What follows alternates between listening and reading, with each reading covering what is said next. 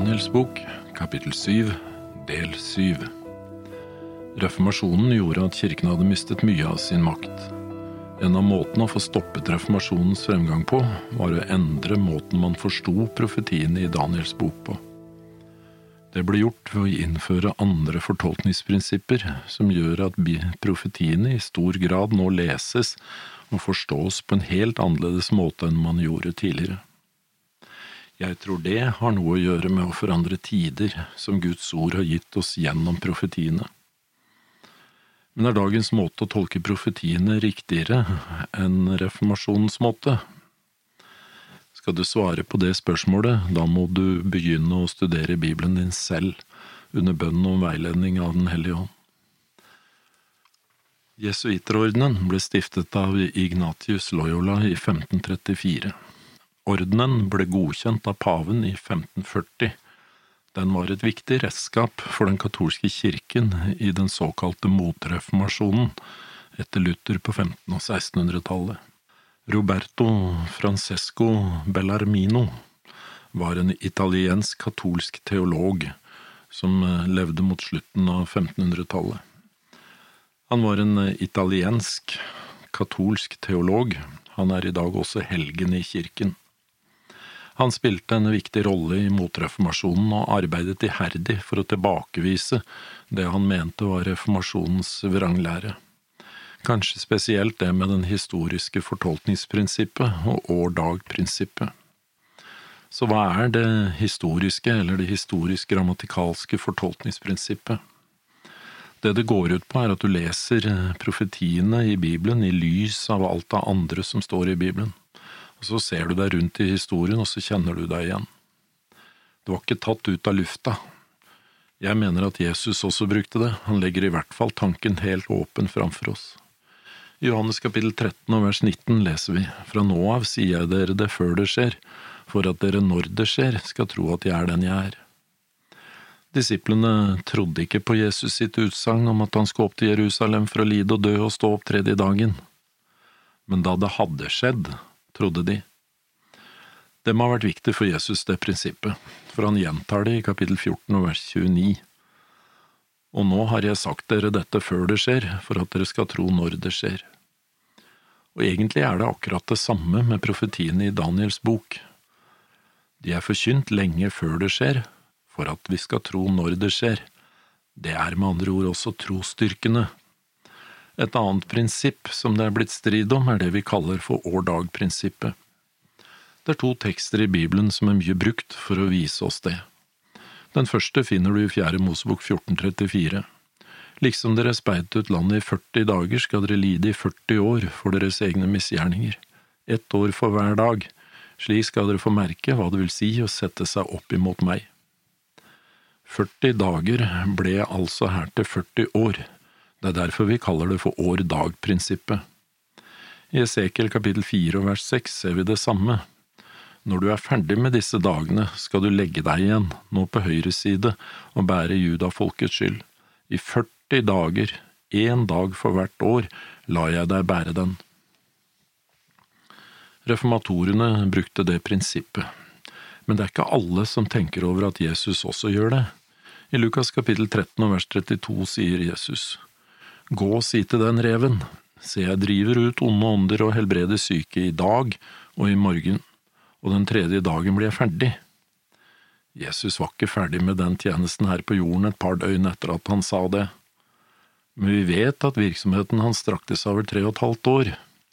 Så Jesus bruker her profetisk tid, han bruker år-dag-prinsippet, det stemmer med det Jesus sa. Det er flere steder i Bibelen vi ser det brukt. Språkmessig kan du se det allerede i første Mosebok kapittel fem og vers fire, og Adams dager etter at han hadde fått sett, var 800 år, og han fikk sønner og døtre. Adams bokstavelige dager var mye mer enn 800 dager. Ti ganger i det samme kapittelet blir dager til år. Interessant er det også å lese andre Mosebok kapittel 20, og vers 8–10 og sammenligne med tredje Mosebok 25 vers 2–4. I andre Mosebok 20 så står det kom hviledagen i hu, det er jo det fjerde budet, så du holder den hellig. Seks dager skal du arbeide og gjøre din gjerning, men den sjuende dag er sabbat for Herren din Gud. Og i tredje Mosebok, kapittel 25 og fra vers 2, si til israelittene, når dere kommer inn i det landet jeg vil gi dere, skal dere landet en, la landet ha en sabbatshvile for Herren.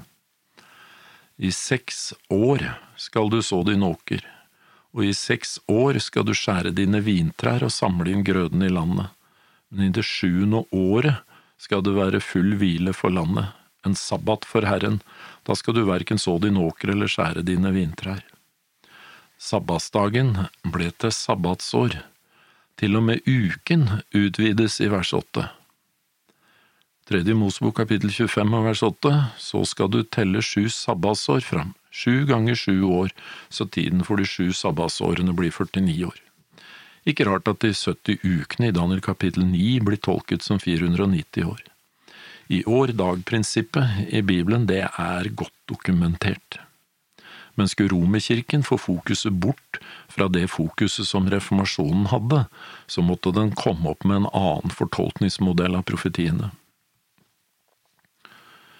Francisco Ribera levde fra år 1537 etter Kristus til 1591. Han var en spansk jesuitteolog som er identifisert med det vi kaller for det futuristiske fortolkningsprinsippet. Det flytter hele fokuset i Bibelens profetier bort fra det lille hornet som pavedømme og de 1260 dagene eller årene i middelalderen og inn i framtiden. En annen var Luis del Alcázar, han var spansk og fremmet det preteristiske synet. Han mente at profetiene allerede var oppfylt, og at det hele avsluttet ved Jerusalems ødeleggelse i år 70. Istedenfor at eh, romerkirken var det lille hornet, så ble oppmerksomheten rettet mot Antiokus den fjerde Epifanes. Og vi skal se mer på det, men vi skal gjøre det i det neste kapitlet, i kapittel åtte. Nå går vi bare videre til vers 26. Så blir retten satt, og herredømmet ble tatt fra ham for en ganske og aldeles tilintetgjort og ødelagt. Det bekrefter at det var en domsscene som Daniel så i vers 13 og 14. Gud tar et oppgjør med synd og ondskap. Det kommer en dom. Han har satt av en tid for det også, for mennesket må til slutt svare for sin ondskap vers 27 så står det at riket og herredømme og makten over rikene under himmelen skal bli gitt til det folket som er den høyeste hellige.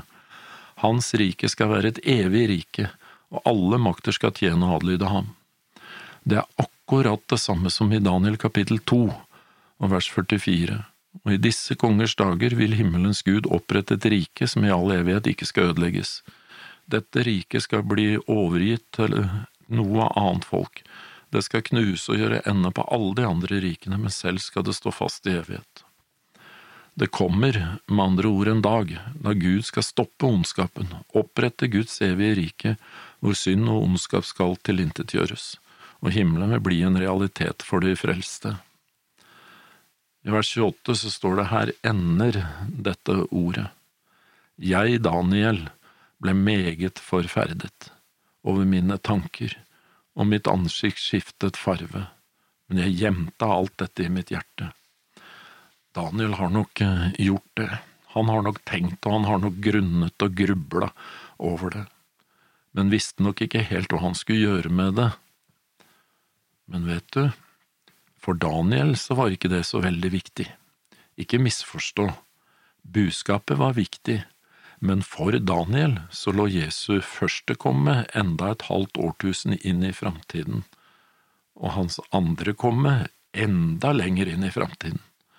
Så informasjonen Daniel fikk, var ikke så mye til Daniel som til Guds folk i den aktuelle tidsperioden som profetien omtaler.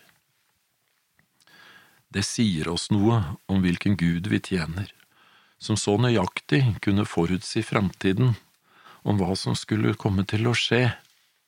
Han åpenbarer verdenshistorien Gud og frafallet innenfor kristenheten, slik at alle som vil se, kan se at Gud vet og kjenner framtiden.